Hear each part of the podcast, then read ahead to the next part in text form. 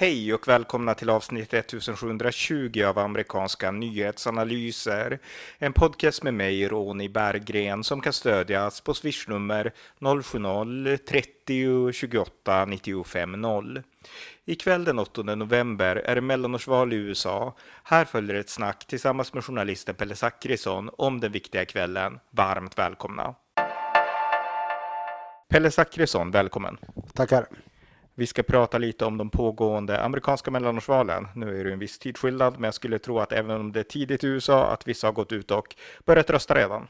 Ja, nu har de ju börjat rösta på östkusten och, och det har ju pågått eh, ja, ett par timmar i alla fall. Mm. Och eh, de här racen är ju extremt spännande och det följs ju med stor spänning även här i Sverige. Eh, jag kan säga redan nu inledningsvis, den här podden kommer att komma ut vid kanske ja, 19.30-tiden ungefär och klockan 21 så kommer jag vara på Aftonbladet och kommentera också det här valet, vill jag bara säga så här i början.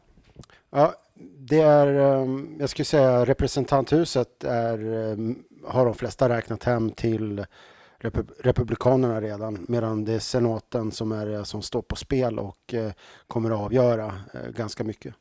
Mm. Eh, så är det verkligen. Har du några liksom, tankar övergripande? För de här racen har jag poddat om ganska mycket, alltså ingående race för race och så här. Men övergripande tankar om val, liksom hur folket, hur de röstar och liksom vad, vad det kan ha för betydelse för valet?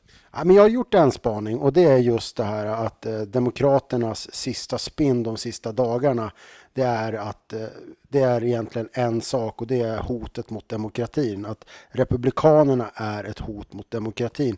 Rösta på Demokraterna annars, kommer demokrati, eh, annars är demokratin hotad. Och det här är något som upprepats inte bara av Joe Biden utan har upprepats av Barack Obama, av vänsterliberala eh, mediapersonligheter och så vidare.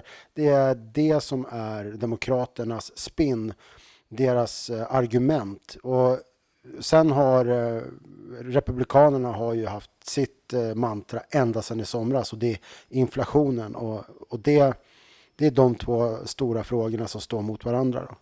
Mm. Jag tänker också så här, det är mycket prat nu om att, eh, eh, alltså om det här med poströstning. Dels har vi ett parti som är kritiska till det och sen så har vi ett annat parti som är väldigt positiva till det. Har du några tankar kring det? Ja, just det här med poströstningen och eh, förtidsröstningen. Det är, om man ska göra ett case för att Demokraterna faktiskt kan vinna det här, då är det i poströstningen. Och att att Demokraterna, det vet vi och det kan man titta på eh, en sajt då, som NBC har som där de mäter antal registrerade röster. Man räknar alltså inte rösterna innan men man, kan, man mäter antal registrerade väljare för demokrater respektive republikaner och eh, independents. Och där visar ju då att i flera delstater, de flesta delstater förutom Florida, så har eh, demokraterna eh, överlägset flest förtidsröster.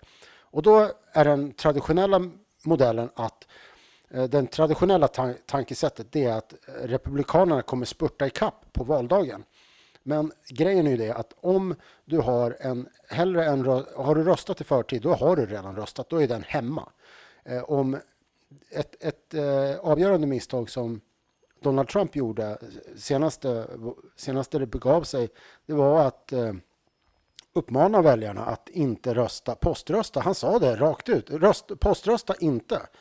Och det är möjligt att man tappade ett, ett stort antal eller ett antal väljare i att göra det. Så att, eh, ska man göra ett case för Demokraterna det är att de faktiskt eh, utnyttjar fullt ut förtidsröstandet medan Republikanerna eh, har en bit kvar att ta hem där. Och de är ändå, det är ju ändå sådana som kanske borde gilla förtidsröstandet. Många av dem bor på landet och så vidare. Ja, det är en bra poäng. Och jag menar, om man bara ska rösta på valdagen eller på platsen då, där man ska officiellt rösta istället för att lämna in det på posten, jag menar, det riskerar att bli ett stort bortfall. Eh, jag menar, jag själv i de svenska valen, jag brukar poströsta nästan alltid. Det var länge sedan. Jag vet inte om jag någonsin har gått just på valdagen, så jag tror att man vinner fler på att låta dem poströsta. Men att Trump och andra har försökt skrämma bort väljare, republikaner från att göra det, det beror på att han tror att poströstningen är valfusk och att det är demokraternas metod att fuska bort röster.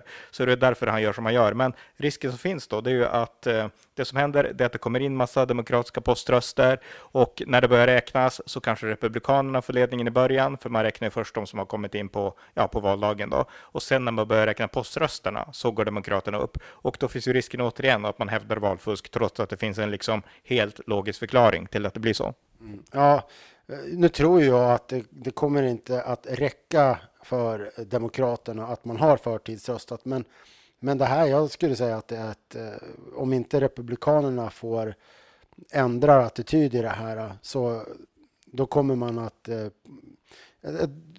man ger sig själv ett jäkligt onödigt handikapp. Ja, verkligen. Eh, vad mer ska vi säga då? Det är ju liksom, det är valdag idag så att man behöver inte göra de här djupare analyserna. Vad, vilka, vilka val ser du liksom mest fram emot att följa med mest spänning?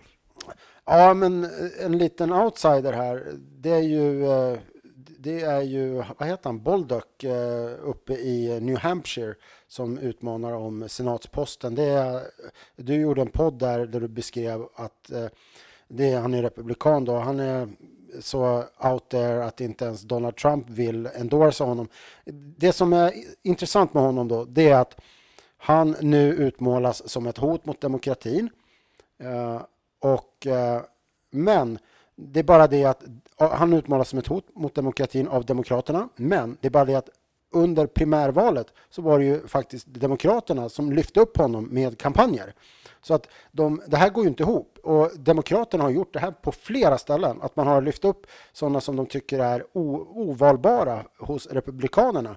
Men om, om man kan ställa sig och eh, spendera annonspengar på en republikan som man då sen i ett senare skede säger är eh, ett hot mot demokratin. Nej, det går inte ihop. Nej, nej, jag håller helt med. Det är en väldigt viktig peng som du gör. För jag menar, det här är, alltså vad Demokraterna trodde, det var ju att sådana här som Don Bolduck och andra, eh, att de skulle vara alldeles för liksom goofy för att liksom skulle ha någon chans alls. Så man stödde dem framför mer moderata republikaner som kanske partiet hellre vill ha. I, i New Hampshire så var det så. Men, men eh, ja, det har visat sig att de här eh, liksom fringe-kandidaterna ändå vinner. Jag menar, då har man verkligen, alltså då var inte det en tanke man hade förut, att det här är ett hot mot demokratin, utan det är bara en taktik man använder sig av. Ja, man har ju absolut ingenting att gnälla över. Man kan inte sitta där nu och, och säga att ja, men Don eh, Bulldog är ett hot mot demokratin. Ja, men ni satsade pengar på honom. Kom ihåg det, ni satsade faktiskt pengar på att lyfta fram honom. Eh, liksom, kom igen, ingen jävla buyers remorse här. Nej, nej, precis. Ja, nej, men det är New Hampshire och jag håller på honom. Jag har sett, jag, med, jag poddade om honom och han är, han är, jag, jag gillar honom. Jag tror han kan bli en bra politiker. Har du något annat race som du ser fram emot? Jag menar, jag ser fram emot, jag, om jag börjar, jag ser fram emot eh, guvernörsvalet i Georgia. Därför att jag är en stor fan av Brian Kemp. Jag tycker han är suverän. Alltså, han är en framtidspolitiker. Jag tycker han är bättre än Ron DeSantis och bättre än många andra. Men vilket, eh, ja, vilken delstat eller vilket race tycker du mer är spännande? Nu svär du ju kyrkan om du säger att någon, eh, någon är bättre, en, en guvernör är bättre än, än Ron DeSantis här. Uh, äh, men jag ser fram emot uh, jag ser fram emot Arizona, sen, senatracet där, där är Mark Kelly försvarande uh, demokraten mot eh, Blake Masters och ehm, Blake Masters har legat efter lite grann men kommit ikapp och jag tror att det där kommer bli, det kommer sluta i att eh, Republikanerna tar hem det och Blake Masters då, som är, han är backad av eh, IT-miljardären som de brukar kalla honom, Peter Thiel och sen har du ju naturligtvis också Pennsylvania som är, det är ju, finns flera aspekter där som är så jäkla spännande. Du har ju dels att det är eh, Joe Bidens hemma, gamla hemmaplan Pennsylvania med Scranton och sådär. Men sen har du ju det att, eh, vad heter han, Fetterman, eh, demokraten, kandidaten som fick en stroke tidigare i år eh, och därför inte kan, eh, han förstår inte när man pratar med honom, alltså bokstavligen så förstår han inte, han måste läsa. Och eh, gjorde tidernas sämsta debattinsats när han får, fråga, får ju liksom en fråga om fracking och eh, ja, det blev ju en dikeskörning utan dess like. Och då är han då ställd mot eh, en Trump-kandidat i, i Dr. Oz. Um, och, och det racet är... Eh, det, det ska bli jäkligt kul att se vart det landar. För att en aspekt där, det var att Fetterman, de sköt, hans team, de sköt på den här debatten väldigt länge. Och i, i eh, Pennsylvania så är det mycket poströstande och ehm, då, då blir ju konsekvensen att många av de här rösterna då som hade kanske kunnat svängt, de har ju redan då avlagts. Va?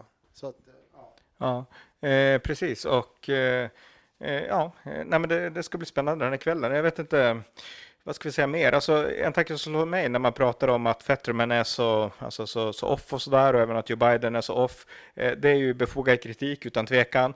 Men i normala fall så brukar det vara så här att eh, i, alltså i, att Demokraterna gnäller på att det är något fel med Republikanernas hälsa. Jag menar, det pratades mycket om att Donald Trump kunde vara dement. Man pratar likadant om George W. Bush, om Ronald Reagan. Och det snacket har alltid riktats utan skam från liksom Demokraternas håll mot republikaner. Och nu väljer Demokraterna, Hillary Clinton, hon kandiderade mot John McCain. Eh, eller jag tror att det var hon som sa det i alla fall, 2008 där i, i primärvalen då, i, i hennes fall. Då, då var det, kanske Obama också, men jag tror att det var Hillary Clinton, då höll hon på att prata om att liksom, han kan bli one beat away, one heartbeat away from the presidency. Alltså han är för gammal och sjuk för att kunna bli president liksom. Och nu går de och väljer själv en president i det här fallet då, som är riktigt gammal i huvudet liksom. Och en annan person som har fått en stroke och knappt kan prata. Jag menar, det är ju liksom sån dubbelmoral så att det heter duga. Ja, nej, och Dr. Oz Eh, Mehmet Oz då, som han heter i Pennsylvania, han pratar ju inte om att eh, Fetterman har en stroke och inte kan prata ordentligt och att han har de här problemen. Det är, eh, alltså, jag vet inte varför han inte tar upp det. Det är väl för att eh, han är rädd att det ska uppfattas som att han är omänsklig och så vidare. Det är, eh, man håller tillbaka när det gäller Trump, eh, förlåt, Trump, när det gäller Biden det, ja, det är klart att högermedia i USA tar upp det här hela tiden. Men politiska motståndare, de låter det där i stora hela passera. Det, och, och så om man då spolar tillbaka bandet när det gällde Trump, det var ju helt öppet att eh, politiska motståndare krävde att det skulle vara en, en läkargenomgång, att han skulle göra mentala tester och så vidare. Och han gjorde det. Det är ingen republikan vad jag vet förutom sådana fringe-republikaner som kräver att Joe Biden ska, ska ta, göra, liksom, i, alltså, testa sin eh, mentala hälsa. Så att republikanerna i USA har liksom, de har avstått från att göra det här. Och Däremot så kan man ju säga att efter, blir det nu då det här man pratar om, en röd tsunami, alltså att Republikanerna bara sveper bort en massa demokrater, då tror jag det kommer bli det här, då är det Demokraterna själva som kommer börja prata om att Joe Biden inte är kapabel och, och, och sådär. alltså, de kan vara jäkligt elaka själva alltså. Du tror alltså om det här liksom går fel väg för Demokraternas del att man kommer att lasta Biden för det, Demokraterna alltså? Ja, ja, jag tror, vad heter han, Joe, uh, Morning Joe, vad heter han, Joe uh, Scarborough. Scarborough. Alltså, där tror jag det kommer, han och, och uh, Micah, de kommer sitta där och, och, så kommer man säga att ja, det är dags att gå vidare och, och en, en, president kan inte vara för gammal och, och, man måste, det är ett högt tempo. Det, jag tror det, är, det kommer hända redan inom en vecka att man säger att nu är det dags att vända blad typ. Tror du att det finns någon eh, liksom, potentiell rival till Biden som ruvar i skuggorna, demokrat? Ja, eh, vi pratade lite grann om det här tidigare. Gavin Newsom, eh, guvernören i Kalifornien, som de hade ju sån här recall election i Kalifornien där de tyckte att Gavin Newsom var så dålig så att de var tvungna att och, alltså de ville få bort honom. Men det, det, paradoxalt nog då så han så överlevde han det där och förstärkte ju sin position istället. Så att han har... I, i USA är det jäkligt viktigt att vara en vinnare och Gavin Newsom har ju visat att han är en vinnare och till skillnad då från Kamala Harris som dels förlorade presidentvalet och, och, ehm, och blev då vicepresident. Men i, om det nu visar sig att, eh, att eh, republikanerna eh, sveper här, då är ju hon, en då är hon också en loser. Ja, eh, så är det verkligen. Eh, jag tänkte också att, eh, som sagt, det är valvakor i Sverige och det finns ett intresse i Sverige för liksom, amerikansk politik.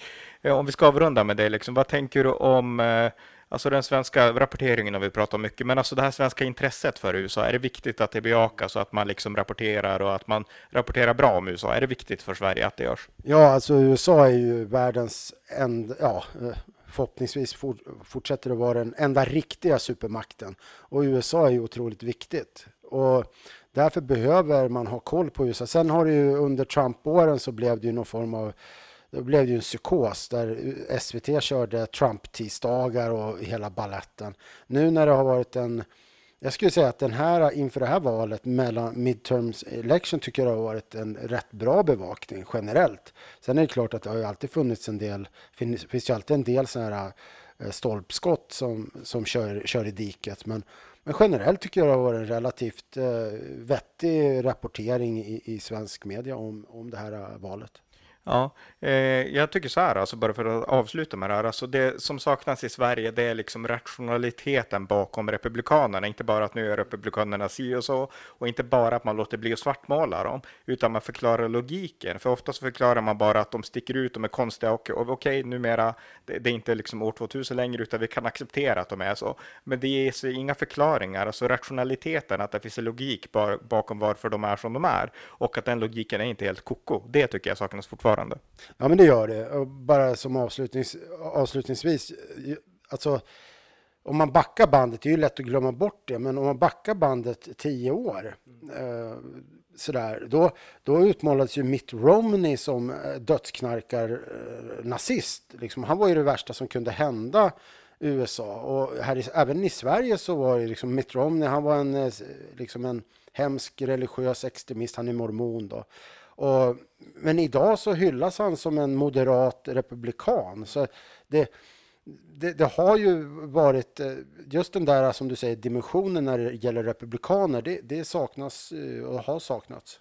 Bra att du nämnde Mitt Romney. Jag poddade och jag skrev mycket om det valet också såklart, som alla andra presidentval. Men två saker där då, som jag minns från svensk media. Dels var det eh, Alexandria Wallander, tror jag hon heter. Hon jobbar på P3 och hon hade ett inslag där hon fick kommentera och det var en av debatterna som Romney höll mot Barack Obama och då tror jag att det var Olle Westberg som sa i samband med att han intervjuades om det att eh, om inte Obama gör en bra debatt ikväll, då är det kört för Obama. Och då sa hon då, Alexandria, vad hette, vad hette hon? Ja, men, så, men hon sa då att jag har kört, ja, men då får vi hoppas att det går bra för Obama ungefär. Jag menar, den här instinktiva anti-Romney-grejen. Sen så var det ett annat inslag på SVT när de hade om just Romney och att han var mormon och så sa de att då visade de lite bilder på Annas familj och så här klipp och det här verkar ju fint. Men det finns en annan baksida av mormonerna också. Och så tog man upp den här utbrytarsekten som förespråkar barnäktenskap och månggifte och sådana saker som inte har någonting med Romney att göra.